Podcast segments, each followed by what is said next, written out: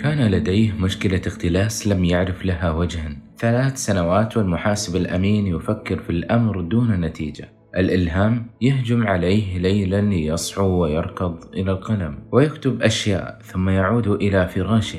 تسأله زوجته صباحا عما كتب فيرفع بحاجبيه مستغربا ويذهب ليجد أنه كتب بشكل نهائي حل المشكلة التي أتعبته طويلا وحرمته من النوم. السلام عليكم ورحمة الله وبركاته. أهلا وسهلا بكم مستمعي ومستمعات الكرام. حياكم الله وبياكم. معكم أنا أمجد الجهني من بودكاست سحب موضوعنا لهذا البودكاست عن الإلهام. الإلهام تحمله الرؤيا.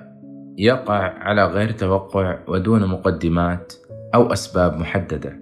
رؤيا العزيز متصلة بفراسة وتوسم. فالذي قال أكرمي مثواه عسى أن ينفعنا. فأصاب الحقيقة كان صادق الرؤيا. وحكاية القرآن عنه تدل على صدق حديثه. فأصدقهم رؤيا أصدقهم حديثا. وليس ممكنا فصل المنام عن اليقظة. عين ثالثة ترى ما لا يراه المبصرون. نسيج من المعاني الروحية والعقلية. وتلبس المستقبل بالحاضر. وامتزاج التجربة بالعفوية. ذلك هو الإلهام.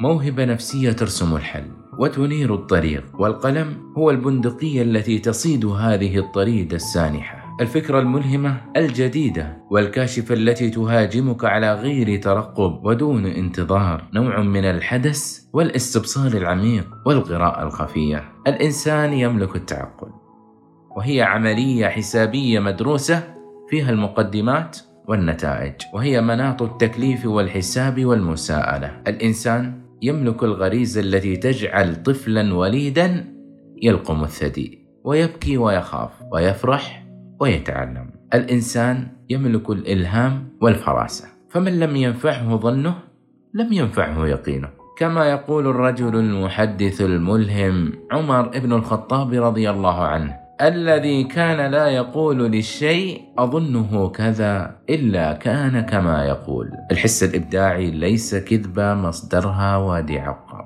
فحين يدخل الشاعر الملهم في تجربة جديدة ينفصل عما حوله. وتتحول عنده الأشياء العادية إلى إيحاءات عميقة وكأنها تعبر عن ذاته ومعاناته. ربما تقتبس نار الإلهام من مشاهدة الناس أو سماع كلماتهم أو قراءة وجوههم أو من رؤية الطبيعة وتأمل مجاليها ومظاهرها الآسرة.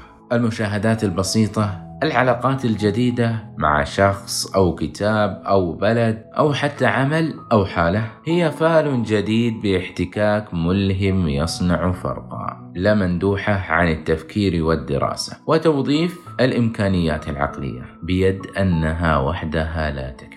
مئة من كبار أثرياء العالم الناجحين أكدوا أنهم يعتمدون على دراسة الجدوى ولكنهم يعتمدون معها على أمر آخر مهم هو الفراسة أو الإلهام. التجربة السابقة أساس القراءة المستديمة. مستمعي ومستمعات الكرام وصلنا إلى نهاية هذا البودكاست. أتمنى أني قدمت لكم فائدة مرجوة وأراكم بإذن الله في بودكاست آخر. والسلام عليكم ورحمة الله وبركاته.